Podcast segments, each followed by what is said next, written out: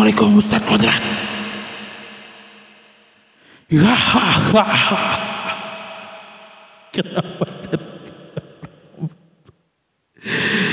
Aduh, harusnya tadi endingnya bukan itu, harusnya endingnya gini. Oke, ulang ya. Tambah dikit.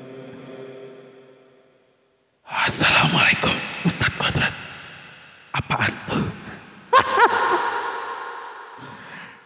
Kamu nanya ini apaan? Aku jawab ya. Ini potong rambut cep. Apaan tuh? Apa? Nanya mulu. Oke, selamat datang di Bumi Kaca episode ke tidak tahu pokoknya dia adalah rangkaian dari 7 per 7 film Indonesia di Movie Kaca Indonesia. Enggak sih, itu movie corner yang ada di Indonesia-nya. Eh, uh, bentar, benerin dulu. Nah, ini adalah rangkaian kelima dari 7 film. Dan sepertinya di film yang mau nggak mau mesti dibahas karena memang filmnya lagi tayang lagi rame-ramenya. OTW 500 ribu penonton harusnya sih bisa sejuta ya. Kalau sanggup ngelawan minggu pertama November harusnya sih masih bisa lah. Uh, mengingat Black Adam udah mulai turun dan Inang juga kayaknya nggak terlalu sanggup bersaing banyak. Kayaknya Inang nggak nembus sejuta Pamali juga nggak nembus sejuta sayang sekali. Tapi tidak apa-apa. Uh, karena film yang hari ini kita bahas adalah film Kodra. Mantap sekali. Harusnya ada ini. Ada efek-efek serem ada sih di apa murahan ini. Sound card murahan ini. Bentar coba kita cari ya. Oh ini siapa ini? Oh, bukan. Jelek ternyata. Ya oke nggak ada. Uh, jadi episode yang kali ini ngomongin soal film Kodrat banyak sekali yang bisa diomongin tapi seperti biasa aku bagi jadi tiga Pertama impresinya dan lain-lain ketika aku nonton apa yang terjadi dan sebagainya. Kedua nanti bakal ngebahas dari sisi non spoiler. Ketiga nanti bakal bahas dari sisi spoiler. Jadi untuk yang belum nonton, masih OTW nonton, masih nahan-nahan, silakan denger dulu episodenya mungkin kalau aman sama spoiler sih bisa denger sampai akhir tapi kalau enggak nanti bisa turun dulu di sesi spoiler nanti uh, nonton dulu baru lanjut dengerin lagi gitu ya kurang lebih ya. Uh, kita masuk dari impresi awal dulu. Film ini sebetulnya udah diomongin dari sebulanan yang lalu kali ya bahkan lebih gitu. Karena uh, waktu di Oktober atau September ngomongin eh sorry di September dan Agustus itu bahkan kita udah ngomongin kan film-film yang uh, coming soon di bulan Oktober gitu. Dan waktu itu filmnya tentu tentu Sri Asih banyak diomongin waktu itu sebelum akhirnya ditunda gitu ya uh, tapi sebetulnya selain itu kita ada ada ngobrol beberapa hal juga sih. Uh, salah satunya Kodrat tuh yang sempat rame karena uh, sempat ada di Indonesia Comic Con juga waktu itu ada rame dan sebagainya. Ini film pertamanya uh, Marsha Marsha Timothy dan Vino Gebastian sebagai seorang, eh maksudnya dua-duanya main karakter gitu ya. Uh, dan film pertamanya uh, Vino Gebastian horor gitu. Dan ini bikin uh, kodrat waktu itu sangat-sangat banyak diomongin. Apalagi sebetulnya untuk yang cukup dalam ya mungkin mungkin nggak semuanya tahu fakta ini. Misalnya kayak uh, bahwa uh, kalau nggak salah Mas Charles Gozali yang jadi sutradara di film ini itu um, awalnya sempat jadi uh, sutradaranya Satria Dewa Gatot Kaca yang jujur pada saat tayang ke, sih kemarin sempat flop gitu jadi uh, sebelum akhirnya pindah ke Mas Anung gitu. Jadi kayak oh banyak diomongin nih uh, gimana um, apa namanya sepak ter tersebab ya sepak terjangnya Mas Charles Ghazali ini gitu. Uh, aku udah dapat banyak kabar nih kalau filmnya bagus dan lain-lain udah udah ada tuh karena ada beberapa teman-teman yang ikutan uh, early screening lah atau apa pun itu namanya um, uh, dan udah udah ketahuan nih oh ini filmnya bagus nih gitu. Tapi eh aku sih masih tetap menjaga ekspektasi gitu. Oh uh, ya filmnya bagus tapi gimana caranya untuk ini tidak tidak terlihat ya ya.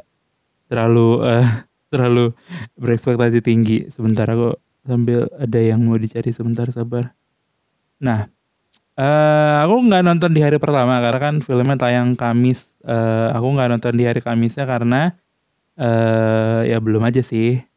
Jadi nontonnya waktu itu di uh, hari Sabtu. Ini direkam hari Senin by the way. Aku nontonnya hari Sabtu dapat tiket gratis. Terima kasih untuk bioskop biosclub.id dan terima kasih untuk uh, Quadrat Movie. Ada ikutan giveaway menang dapat dua tiket uh, nonton. Terima kasih uh, sekali lagi bioskop. Ini uh, akhirnya aku nonton di malam minggu di enggak sih sore sih sebetulnya masuk ke setengah enam nonton dua jam nontonnya sebetulnya aku agak terlambat kayaknya adegan di awal itu tuh ada sekitar 7 menitan adegan opening tapi aku cuma kebagian dua menitan sejujurnya bahkan bahkan kurang sih semenitan gitu karena uh, studionya dibuka 17.30 aku masuknya udah 17.40-an jadi kayak udah mulai berapa menit gitu. Um, aku sih sebetulnya udah datang 17.15 cuman abang ipar yang nemenin datangnya agak terlambat karena macet dan lain-lain. Akhirnya masuknya itu udah udah mulai sebentar lah gitu. Aku nggak mau ngejelasin di awal nanti nanti aja itu kayaknya bagian review aja nanti yang apa yang aku terlewat gitu ya. Karena aku konfirmasi ke beberapa teman bahwa uh, aku cuman kelewat dikit tapi bagian itu penting juga untuk jadi satu topik bahasan. Eh uh, nonton durasinya 104 menit kalau nggak salah nggak nyampe 2 jam tapi uh, filmnya nggak wah ya sih filmnya padat gak ada pembukaan yang menye-menye enggak pokoknya dar der dor sat set sat set nggak ada banyak perkenalan ina inu ina inu action horror bras bras bras bras bras bras sat sat set bak buk bak buk selesai film itu bisa dibilang kayak begitu sih dan eh, semuanya bisa dibilang berhasil kan filmnya bisa dibilang genrenya ini ya horror action ini kan mungkin pertama di Indonesia gitu apalagi ngangkat soal uh, rukiah dan ngangkat soal uh, ustadz gitu ini kayak sesuatu yang berbeda. Dan semuanya bisa dibilang dapat porsi yang oke okay, gitu. Jadi kayak horornya ya horor actionnya ya action dan lain-lain gitu. Aku kan nonton film horor gak terlalu banyak ya. Yang seingatku aku nonton dalam kondisi kontrol penuh memang aku pengen nonton itu cuman uh, Pengabdi Setan pertama itu nonton di Netflix, kedua itu uh, kemarin nonton Kalian Pantas Mati, nonton Inang, terus nonton apa lagi aku sekali? Yang horor sebelumnya. Dan aku coba cek di Anchor. Kalau nggak salah berarti cuma tiga yang aku yang aku betul-betul atas dasar keinginan. Ntar. Oh Pamali berarti iya empat lah. Uh, Pamali Inang, uh, Pengabdi Setan, Kalian Pantas Mati. Terus ini film kelima horor kan pengabdi setan sih aku nonton di handphone jadi aku banyak aku mengakui film itu seram kan dan waktu itu kayaknya memang aku masih sangat penakut ya uh, pas setahun dua tahun yang lalu gitu pas nge-review untuk movie kacap juga. Uh, tapi yang di bioskop tuh aku mulai dari Pamali kan. Pamali ternyata nggak serem ya. Oh ternyata nonton horor di bioskop tuh nggak serem gitu. Uh, nggak ada tuh adegan takut-takut apa gitu sampai tutup-tutup mata. Nggak aku masih bisa buka mata dengan santai ngelihat kanan kiri gitu kan. Terus uh, oh ya udahlah. Kalau ada film horor nonton aja. Nggak ada takut takutnya santai film horor tuh gitu. Terus nonton kalian pantas mati eh nonton ya nonton kalian pantas mati. Ah santai kalian pantas mati lah.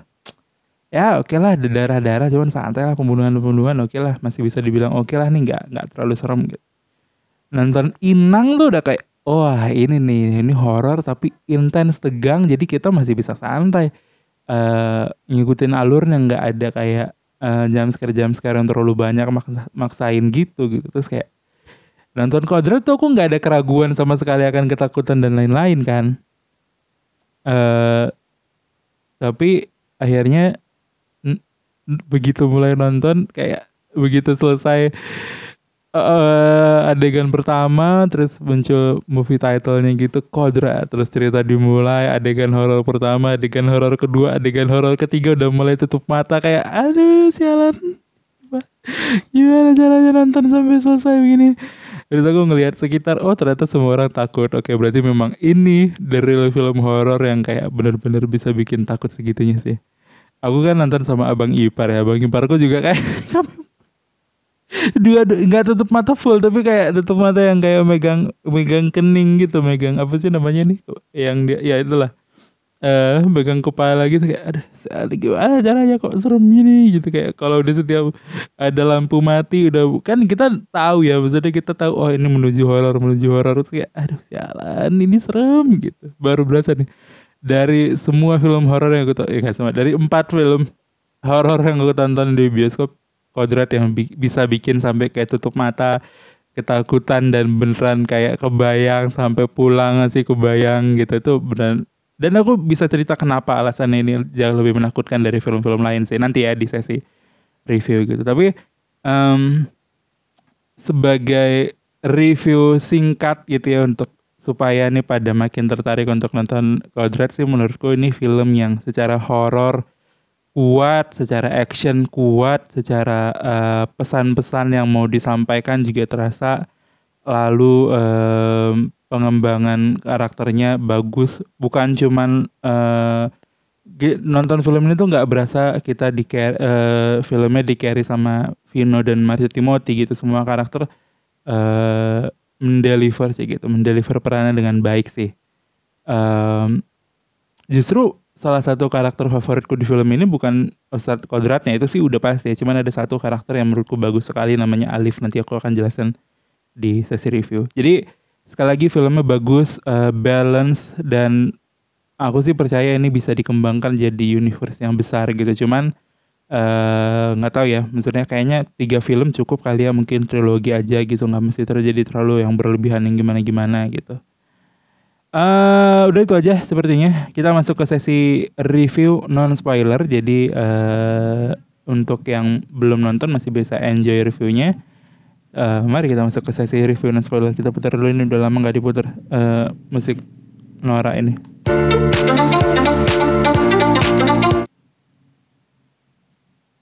Nah minum dulu.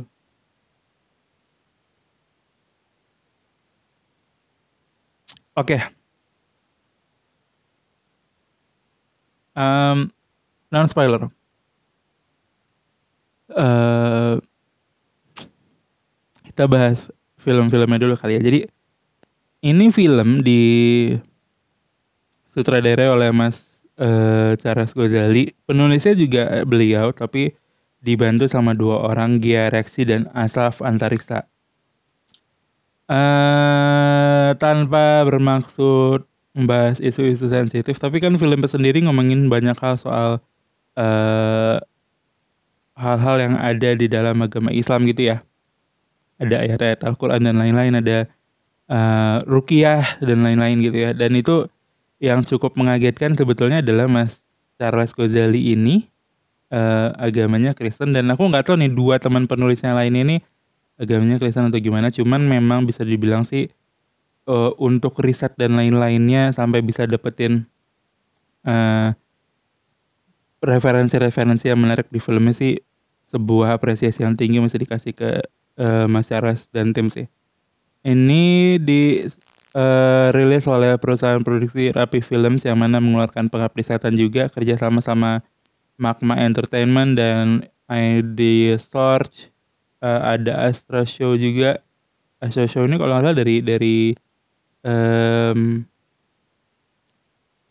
um, bentar. Astra Show ini dari Malaysia kalau nggak salah Oh durasinya 102, sorry durasinya 102. Uh, eh, pemain-pemainnya kita bacain dulu ya. Pemain-pemainnya ini ada Vino Gebastian, Marsha Timothy, Maudi Efrosina, ada Randi Pangalila, ada Caca Parif Rahman, ada Prit Timothy, ada Wani Darmawan, ada Agla Artalidia nih salah satu yang jadi scene stealer juga.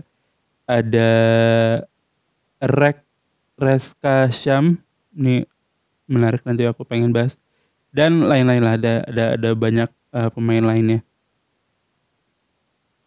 Uh, sedikit aja ya sebelum bahas lebih kompleks.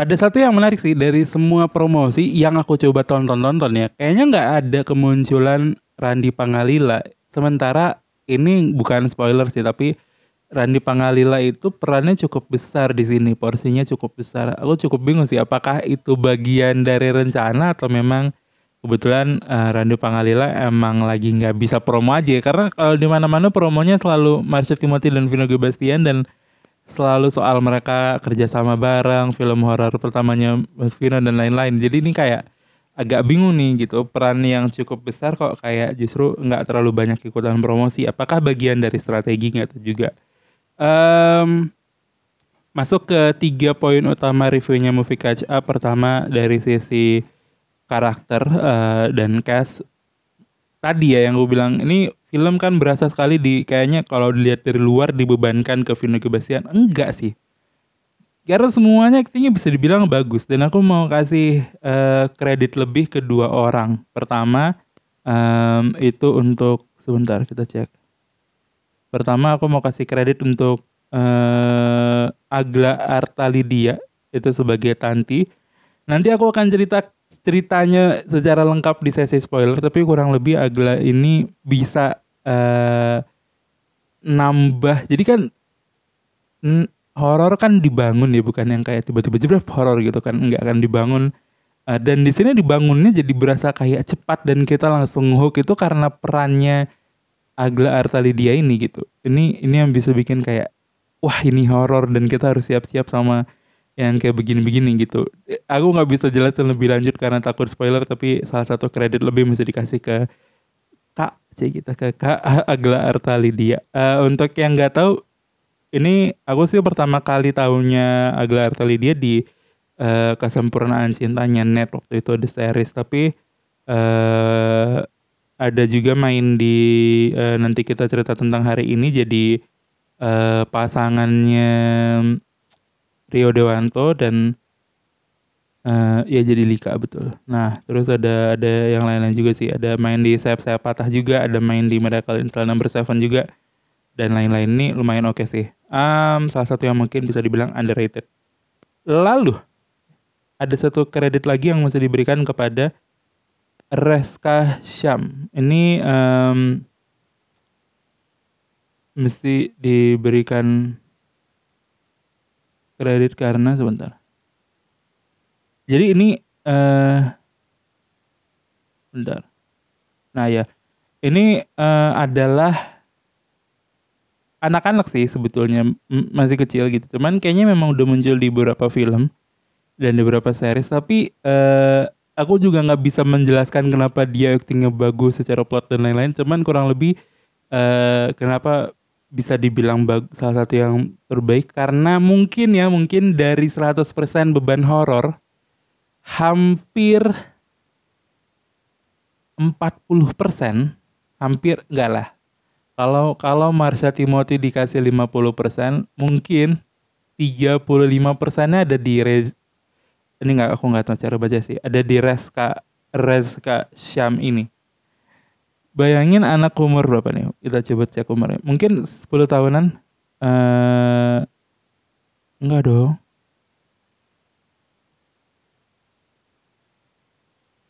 Masa dia umurnya 87, 87 ketuaan dong ah gimana sih bentar salah, salah orang salah orang bentar Gak, gak, gak, gak, gak, gak.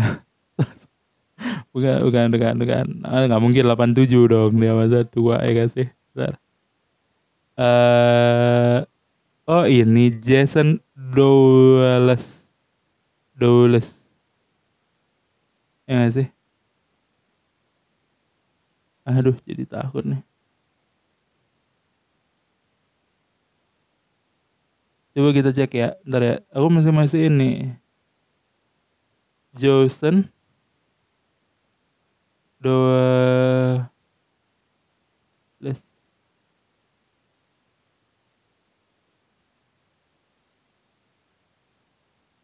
Ah, siapa sih?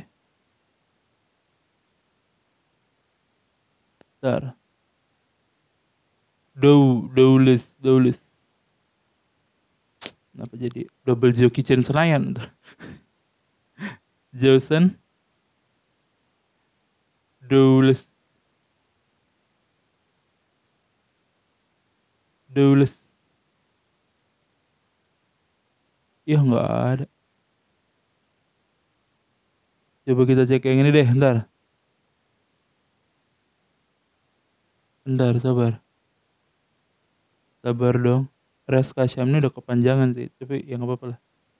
Nyari barang-barang namanya nih. Nah nih. Oh bukan. Bukan berarti siapa ya namanya ya? Aduh lupa lagi. Nggak ada lagi namanya di sini. Kayaknya ini deh, cuman uh, orangnya belum ternotis di Wikipedia dan lain-lain. Namanya Jason Doles. Cuman kalau salah emang maaf ya. Atau Keanu Aska ya? Coba kita cek. Kayaknya Keanu Aska deh. Kenapa Keanu AGL?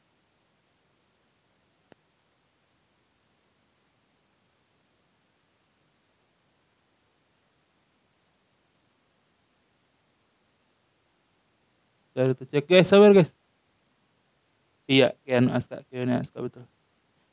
Nah, jadi si Keanu Aska ini um, 35% bobot horornya itu ada di Keanu Aska sih.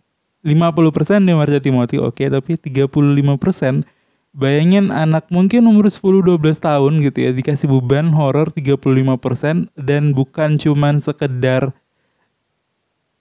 menyeramkan gitu. Ada dramanya kebangun dan lain-lain. Bagus sih. Uh, makanya aku bisa kasih kredit lebih untuk uh, Keanu Aska dan tadi Al Al Alga Atra Lydia uh, sisanya juga bagus-bagus semua sih. Misalnya kayak ya Marcel Timothy udah pasti bagus Rina Gebastian udah pasti bagus. Lalu uh, ada uh, Randy Pangalila oke okay, dapat perannya dan sisanya bagus semua. Ini ini nggak ada yang terlalu fail yang sampai gimana gitu ya. Um, jadi secara aktor dan karakter dalam ceritanya semuanya saling mendukung dan dan bagus aja nggak tahu bingung gimana cara menjelaskannya semua mendeliver actingnya dengan baik gitu. Ah oke okay, masuk ke sesi ini uh, poin kedua uh, kualitas cerita atau plotnya tanpa spoiler gimana ngejelasin ya.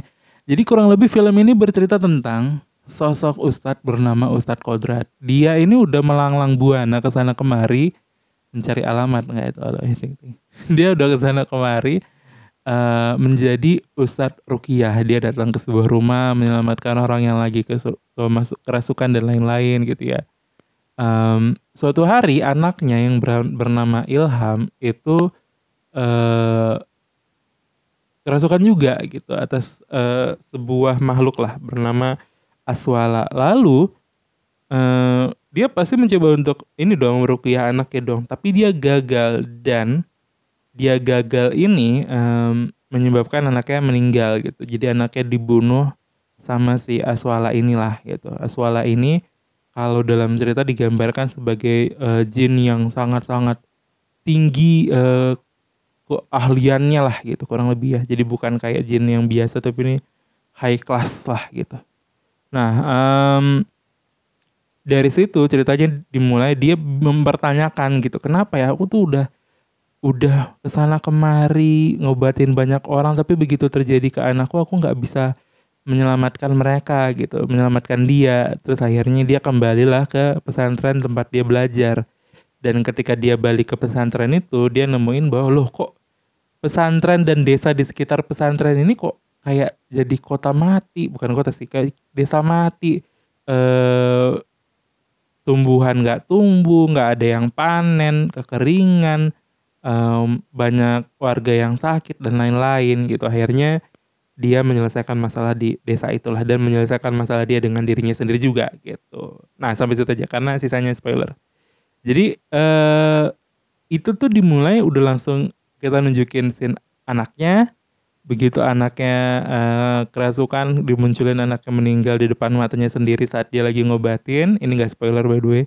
Lalu um, karena ini sinopsisnya di mana-mana begini. Terus eh, dia masuk dia pulang ke kampungnya dan udah gitu berlanjut aja terus terus terus terus saat saat saat saat saat saat tanpa mem kan ada tipe film horor yang kayak Inang ya. Inang tuh kan terasa kayak jauh lebih santai, loh jauh lebih pelan, nambahin banyak uh, intens di pikiran kita gitu kayak beban-beban yang bikin kita makin depresi ngelihat tiap karakternya dan lain-lain. Ini enggak gitu, beneran kayak langsung gedebak gedebuk gedebak gedebuk gedebak gedebuk selesai jadi kayak sat sat sat sat tapi tetap tertata dengan rapi dan dan nggak ada yang kayak bikin kita loh kok udah nyampe sini? gitu. Nggak bener-bener kayak kita diajak ngikutin ceritanya si Ustadz Kodrat ini gitu. Um, secara plot juga bagus. Nggak ada yang bisa dikritik sih. Bagus sih. Aduh aku suka aja memang. Kayaknya udah udah biasa aja sih. Uh, ketiga secara teknis aduh aku juga baru tahu nih tadi. Mereka tuh ada satu uh, untuk membuat kampung yang panennya itu uh, mati gitu ya gagal panen. Si Rapi Films dan Mas Charles ini datang ke sebuah desa. Desa yang bagus-bagus aja nih kondisinya panen dan lain-lain gitu ya.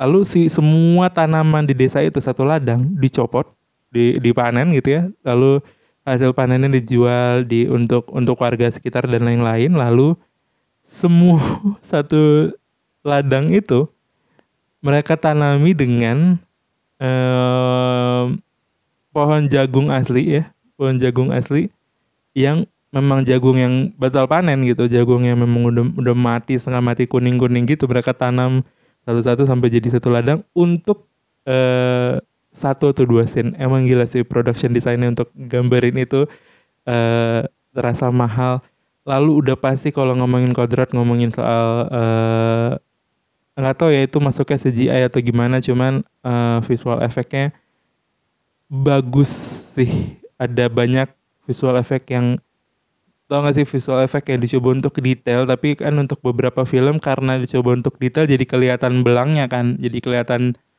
ah ini nih poinnya nih ini jadi justru poin kekurangan tapi enggak justru si uh, Kodrat ini begitu nunjukin ada satu scene detail di mana slow mo dan lain-lain terasa oke okay gitu terasa masih masih bisa dinikmati. Dan um, efek-efek yang lain juga bagus-bagus.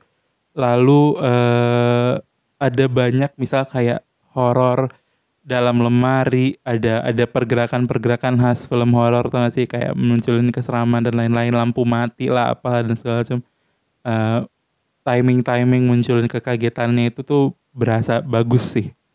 Uh, musik juga bagus tapi aku lupa lagi musik apa. Aku kesel. Kenapa mesti cepet-cepet keluar ya? Aku ngerti mau dibersihin. Cuman kan kita kalau mau nunggu juga boleh gitu. Aku mau nunggu ini nunggu ngeliat nama ininya apa namanya kredit title untuk musiknya. Karena kalau nyari kan sering nggak nemu. Tapi kayak udah diliatin gitu sama masnya. Iya mas silakan mas keluar. Terima kasih mas. Terima kasih. Ya mas yuk. Mau dibersihin mas? Yuk. Terima kasih mas. Udah digituin terus. Jadi ya udahlah keluar lupa tuh lagunya lagu apa mesti dicari lagi nanti coba nanya-nanya. Um, bagus semua sih. Ya, ya aduh nggak ada sih guys. Sama ini ya kalau ngomongin soal teknis di awal itu di awal di adegan um,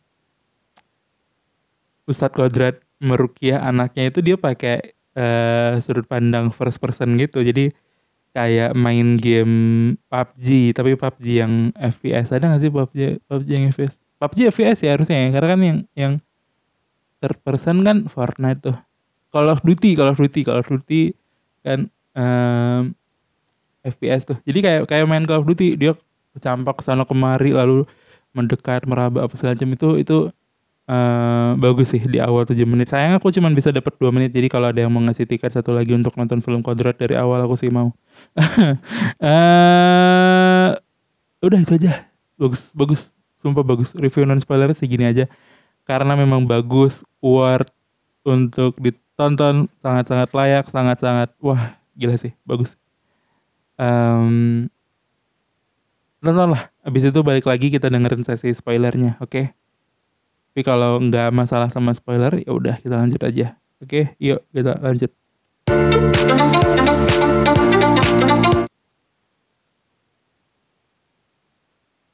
Ntar minum dulu. Oke, mari kita lanjut. Ini tampak sekali filmnya bagus karena saya banyak ngomong udah 29 menit. Ya apa-apa kita lanjut aja ya. Kalau agak panjang ya maafin lah kita batas-batasin 10 menit. Oke, uh, sesi spoiler. Oke, aku tadi udah ngetin kalau belum nonton nonton dulu aja karena sayang ada banyak sekali ketegangan yang harusnya bisa dinikmati ketika nonton. Takutnya spoiler. Tapi nggak apa-apa kalau mau nonton lah, mau mau dengerin lanjut ya boleh aja.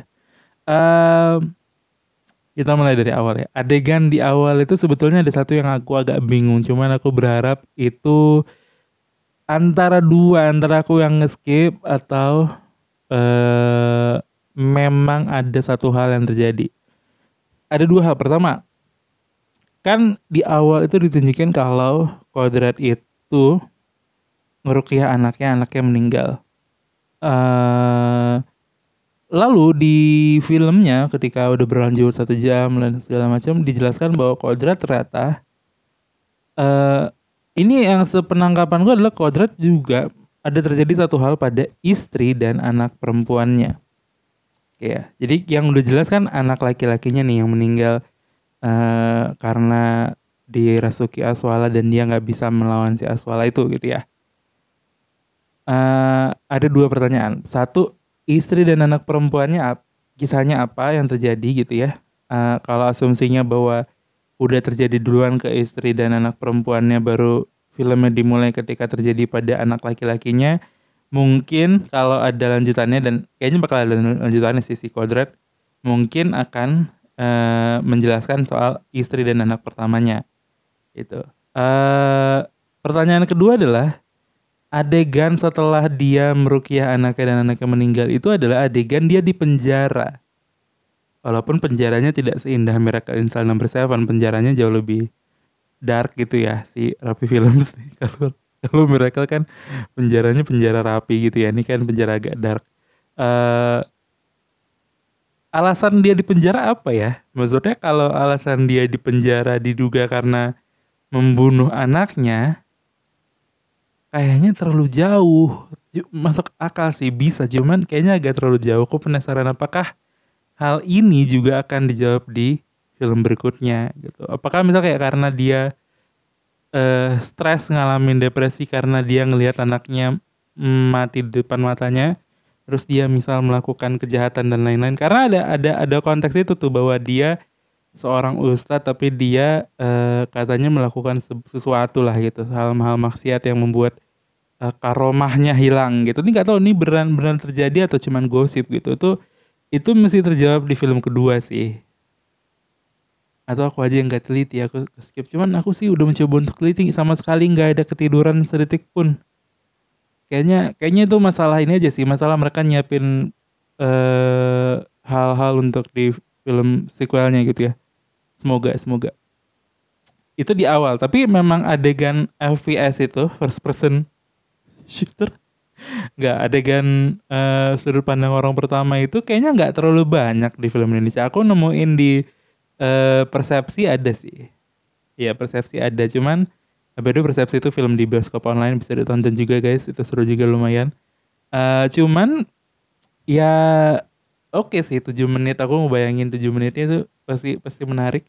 Um, lalu pertanyaanku dua tadi untuk yang di awal film, terus kalau yang lain sisanya aku cuma bisa kayak menikmati adegan demi adegan. Uh, aduh, si kita masuk ke adegan favorit. Oke, aku mau nyebutin tiga, tiga adegan favorit. Pertama, motong-motong tangan pakai pisau ulang tahun. itu bagus sekali. Jadi ada satu adegan di mana uh, anaknya si Alif ini kan dirasuki sama Aswala ya. Kan ceritanya Aswala itu Aswala yang uh, masuk ke anaknya di saat uh, dia merugi anaknya dan anaknya mati itu kan ternyata uh, ini uh, jin yang sama yang muncul ketika dia kembali ke kampungnya itu kan. Terus singkat cerita uh, salah satu warga kampung Marsha Timothy punya dua anak namanya Alif dan Asya itu uh, si Alifnya ini um, apa namanya? Kayak ini loh nggak bisa jalan lagi kaki-kakinya kayaknya lumpuh atau apa gitu. Dan itu disebabkan oleh kakaknya si Asya ini. Terus kayak karena kampung itu disusupi sama aswala sehingga membuat uh, gagal panen lalu ada banyak uh, anak yang terkena penyakit dan lain-lain gitu. Nah salah satu yang dirasuki itu Alif. Jadi uh, kebetulan ayahnya ayahnya Alif dan Asya ini kan udah meninggal dan uh, setan kan sering kali menyerupai manusia seakan-akan kayak jadi setannya ini uh, jinnya ini berpura-pura seakan dia ini adalah ayahnya Alif gitu kan supaya Alif mau main sama dia gitu. Karena si setannya ini ada di sebuah lemari gitu di kamar si Alif.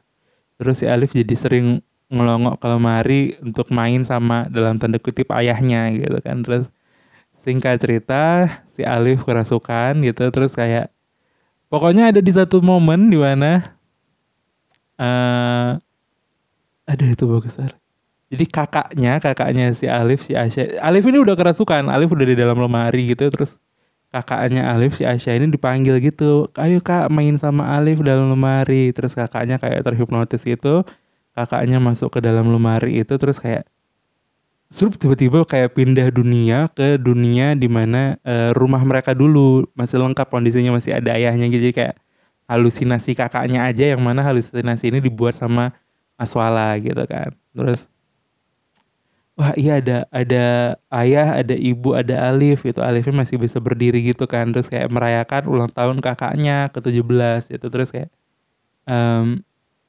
ayahnya manggil gitu ayo kak sini potong kue ulang tahun gitu jadi ada satu kue ulang tahun terus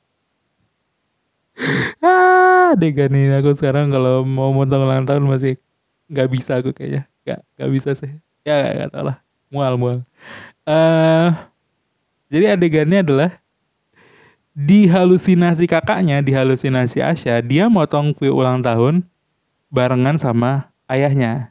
Gitu, di halusinasinya. Di dunia nyata, adegan itu adalah adegan di mana Anjir, bagus sekali. Adegan di mana Alif yang kerasukan Aswala itu memegang sebuah gunting taman besar tajam uh, yang dia mau menggunting tapi tapi tau gak sih gunting kan ada dua mata gitu ya dia cuma pakai satu gitu jadi kayak dia pakai satu dia mau memotong tangan kakaknya oke okay.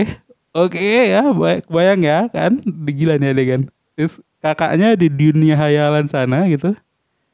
Motong gitu kan. Ayo kita potong gitu kan. Terus dia motong kue serak gitu kan. Terus di dunia nyata si Alif motong kue not motong kue kakaknya motong tangan kakaknya serak gitu. Kayak kakaknya kesakitan di dunia yang aduh sakit ayah gitu.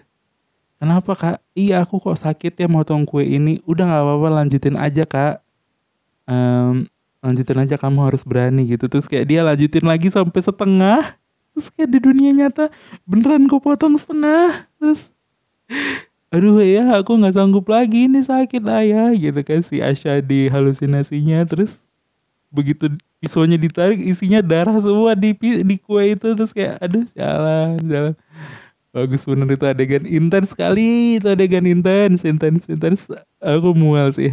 Makanya aku bilang aku nggak bisa sih kayaknya kalau ada ulang tahun kue tart nggak bisa sih. Kayak gue bayangin tangan kakaknya loh itu wey capek. Banyak adegan favorit. Adegan favorit kedua ya. Adegan favorit kedua bodo amat. Lu pokoknya isinya adegan favorit aja. Adegan favorit kedua adalah tadi kenapa aku bisa kasih kredit ke eh by itu itu tadi kenapa aku bisa kasih kredit ke Alif? Karena hampir semua adegan yang ada Alifnya menyeramkannya gila-gilaan sih. Salah satunya tadi adegan potong kue yang sialan itu ya lalu adegan favorit kedua ini agak mundur di awal di mana uh, sebelum kedatangan ini, sebelum kedatangan Ustadz Kodrat. Jadi ada di di di kampung itu uh, Agla Atalidia ini adalah seorang ibu memiliki anak yang juga sakit, tapi sakitnya beda. Ini sakitnya kayak setengah gila gitu loh, bahkan anaknya sampai dipasung gitu kan. Uh, lalu ya karena warga bingung mesti ke mana dan lain-lain gitu. Anaknya dalam perawatan si uh, Randy Pangalila gitu. Nanti kita cerita soal Randy ya. Cuman uh, jadi Artali Ag Agla ini ya kayak kebingungan panen nggak ada uang nggak ada tapi anaknya uh, dalam kondisi kayak begitu stres dan lain-lain dia bingung dan selalu nge ngelakuin pengajian di rumahnya gitu kan terus kayak tiba-tiba uh, Marisa Timothy datang ke rumah itu untuk ini lagi hutang karena si Agla ini punya hutang gitu kan sama dia. Uh, terus kayak waktu mereka lagi berantem karena Agla bilang aku nggak punya uang gimana caranya aku bisa bayar utang tiba-tiba anaknya teriak dari dalam kamar yang dipasang itu kayak wah gitu kan terus uh, eh itu siapa nama anaknya? Dulu lupa lagi. Jihan Jihan. Jihan Jihan itu mereka ng ngeliat ke dalam kamar Jihannya matanya udah kayak kesurupan gitu kan. Ya teriak teriak teriak teriak terus eh adegan paling sialan adalah begitu Jihannya udah udah bener-bener full control dari si Aswala ini dia kan dipasung ya guys ya. Terus kan pasungnya kan kayunya besar gitu kan untuk masung tangan dan kakinya kan. Dia mm, membenturkan kepalanya ke kayu besar itu sekali jebrok sampai berdarah banyak gitu ya sampai kepalanya hancur terus dia senyum masih senyum si anjir gitu kan terus kayak ini udah full kerasukan nih. Terus bisa ngelihat intens agak arteli dia ketakutan dan kayak udah nak udah nak ini ibu dan lain-lain di satu sisi dia ketakutan di satu sisi dia mesti ngelihat itu anaknya dan lain-lain gitu ya. Terus kayak dia benturkan sekali lagi kepalanya jebrak gitu terus meninggal. Aduh bagus bagus itu adegan itu dari situ kita tahu bahwa memang keseramannya bakal gila-gilaan sih si Kodrat itu itu menggambarkan film Kodrat dengan sangat baik sih Hah, udah 40 menit nih kita tambah lagi gak sih adegan favoritnya?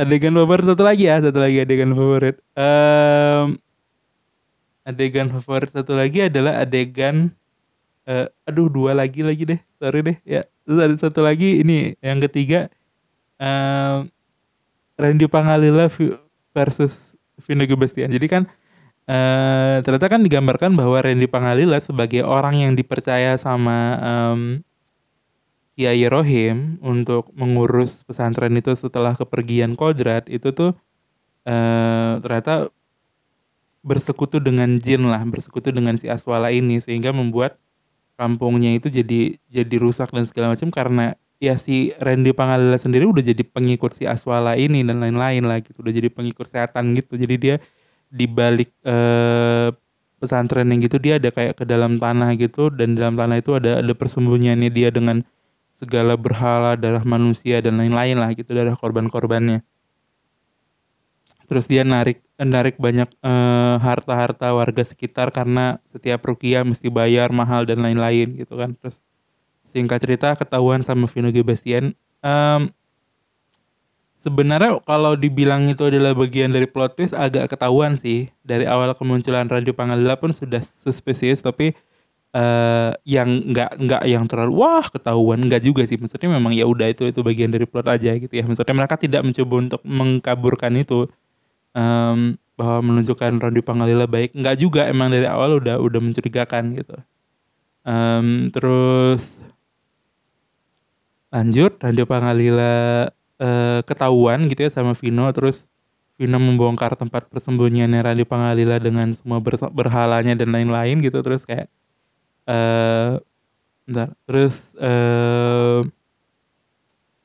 Randy Pangalila bentar terus mereka berantem. Itu fight scene-nya Randy Pangalila sama si eh Ustadz Kodrat gitu. Ada banyak sekali lain yang bagus misal kayak uh, wah akhirnya kau datang juga ke tempatku Kodrat.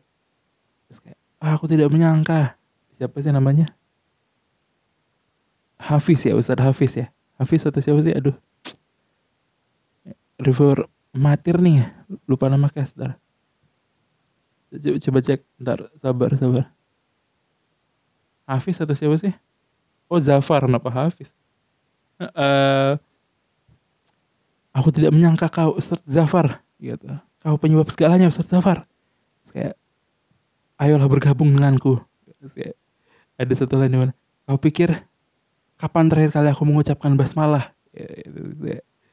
Uh, ayo bergabung denganku mari kita sembah aswala gitu. Aduh itu itu adegan dramanya dapat intensnya dapat horornya ada tipis tapi actionnya wah gila. Karena memang Randinya juga uh, pemain MMA gitu ya. Atlet MMA uh, di dunia nyata dan Vinonya juga kayaknya waktu itu banyak belajar di uh, 212 bukan yang demo maksudnya 212 yang uh, Wiro Sableng. Terus kayak maka berantem. Sasus sasus itu itu itu bagian dari klimaks yang oke okay juga sih. Terus itu terbongkar oke okay, selesai. Satu lagi adegan favorit itu adalah adegan di uh, final fight. Final fight udah pasti sih itu uh, Marsha Timothy kesurukan kesurukan kesu, kesurupan kerasukan uh, Aswala terus dia jadi uh, lawan terakhirnya Vino Gebastian uh, terus uh, mereka berantem. Itu visual efeknya si Marsha Timothy bagus sih. Dia kayak tiba-tiba jadi uh, lebih banyak muncul dalam siluet gitu. Terus ada kayak darah hitam di mana-mana. Dia ada terbang uh, memuaskan gitu loh. Maksudnya dari ngapain emang dari joget-joget itu? Dan terus mereka ada ada ada dia terbang terus mm, ngegeser lemari ada adegan dia menguburkan anaknya sendiri uh, ada dia membakar rumah dan lain-lain itu adegan yang jadi klimaks si filmnya. Dan walaupun ada satu yang banyak dipertanyakan orang kan kan dia ngebur anaknya di awal terus anaknya sebetulnya udah cukup lama tuh udah dalam tanah tapi kok di ending anaknya nggak meninggal ya gitu. Tapi ternyata di ending pun tunjukin kalau setelah setelah Vino berhasil mengalahkan um, aswala yang ada di dalam tubuh Marsha Timothy ternyata aswalanya nggak bener-bener langsung hilang aswalanya justru masuk ke anaknya yang ada di dalam tanah tadi kan yang dia kubur gitu. Terus itu jadi final scene di mana aswalanya hadir dalam bentuk eh enggak itu masih aswala atau enggak ya? Ya itu membingungkan sih tapi pokoknya ada Alif anak anaknya Vino yang muncul lagi gitu ya. Terus uh, mereka hidup bahagia selamanya. Enggak sih. Pokoknya endingnya juga menarik sih. Endingnya uh, ngasih banyak pertanyaan lah. Tapi tapi tetap berhasil untuk menggambarkan ketakutan ketakutan ah itu aja udah 46 menit nih. Oke okay, uh, eh, terakhir terakhir terakhir topik bahasan yang bikin menarik. Jadi filmnya sebetulnya tanpa ini uh, di awal uh, disclaimer dulu nggak pengen menggeneralisir semua hal. Tapi pokoknya di aku cukup banyak nemuin eh, review-review dari teman-teman yang kebetulan semuanya aku dapetin itu reviewnya dari teman-teman yang beragama non muslim gitu. Bahwa kok kayaknya filmnya terlihat lebay dan lain-lain. Mungkin karena uh, filmnya memang dari 100% film mungkin 80% itu ngomongin soal uh, agama Islam gitu rukiah dan lain-lain. Uh, lalu ayat-ayat yang disampaikan itu itu memang semuanya erat sekali sama Islamnya gitu. Jadi wajar aja kalau ada banyak yang bingung gitu. Uh, tapi sebetulnya sih aku bisa apresiasi karena semua lain yang pakai bahasa Arab yang mengutip ayat Al-Quran atau apa pun itu di, di kasih subtitle jadi subtitlenya itu nggak nggak untuk semua kalimat tapi untuk kata-kata itu aja tuh yang yang pakai um, bahasa Arab itu. Dan itu sebetulnya sih kalau kalau kita mau bener-bener nyimak gitu. Karena aku pun kan nggak yang sepaham itu ya semuanya gitu. Cuman karena karena kita nontonnya fokus dan nyimak si setiap translate itu tuh jadi kayak oh ini maksudnya ini oh ini maksudnya ini. Jadi line-line yang ada di situ tuh bukan cuman sekedar yang penting bahasa Arab yang penting ayat Al-Quran atau apa gitu. Tapi bener-bener kayak sesuai dengan konteks ceritanya gitu apa apa yang diceritakan dan lain-lain gitu. Itu itu menarik sih. Um, gimana proses nulis ya Mas Ghazali gitu? Uh, katanya sih Vino Gebastian disatukan sama seorang Ustadz Rukiah yang benar-benar Ustadz Rukiah yang benar-benar mengalami kasus-kasus yang katanya beneran ada yang sampai terbang-terbang gitu kan sih jin yang di dicoba dikeluarkan dari tubuh orang-orang gitu terus kayak um, si Vino-nya jadi tahu lah gimana konteksnya dan lain-lain. Uh, ya itu maksudnya keislaman yang coba ditampilkan di film ini sih bener dan maksudnya poinnya kalau kalau aku lihat sih poinnya nggak melenceng ke sana kemari menyesatkan enggak justru kayak mempertanyakan dan justru kayak setelah nonton tuh jadi mikir kayak bener juga ya. Kayak Islam tapi nggak pernah sholat dan lain-lain gitu. Kayak apakah iman kita sudah kuat dan lain-lain. Jadi jadi kayak banyak mempertanyakan gitu sih. Uh, bukan yang kayak wah melenceng justru kita jadi percaya kepada setannya dan lain-lain. Enggak sih. Bagus sih. Tapi di satu sisi bagus tapi enggak yang kayak justru jadi uh, mengajarkan amanat. Jadi kayak seakan-akan jadi guru ada enggak juga gitu tetap ringan dan bisa dinikmati semua orang juga gitu. Ah udah terima kasih semuanya yang sudah mendengarkan. Filmnya bagus kesimpulan uh, tonton di bioskop sebelum turun karena sayang sih kalau nonton di handphone sejujurnya. Jadi udahlah buang aja lah tiga puluh lima ribu empat puluh ribunya uh, nonton kodrat sekarang uh, di bioskop dan ramaikan di sosial media karena filmnya bagus tapi kok kayaknya agak-agak stagnan seratus ribu per hari nih. Apakah bisa mencapai sejuta atau enggak nggak tahu. Makanya kalau nonton dan ngerasa bagus ramaikan juga lah di sosial media minimal story story atau uh, tweet tweet di Twitter. Mari kita ramaikan supaya kodrat bisa minimal sejuta. Uh, udah itu aja. Terima kasih semuanya. Terima kasih yang sudah mendengarkan episode ini walaupun lumayan panjang. Nggak tahu nih ada yang dengerin sampai akhir atau enggak tapi karena memang filmnya bagus jadi nggak apa-apa juga lah oke terima kasih. Sampai jumpa di episode berikutnya dari Movie Catch Up uh, film ke-6 mungkin besok. Uh, atau lusa ya nggak tahu lah. Terima kasih. Sampai jumpa. Dadah. Bye. Yuk let's go. Assalamualaikum. Oh waalaikumsalam. Waalaikumsalam Ustadz Kodrat. Oke okay. yuk pamit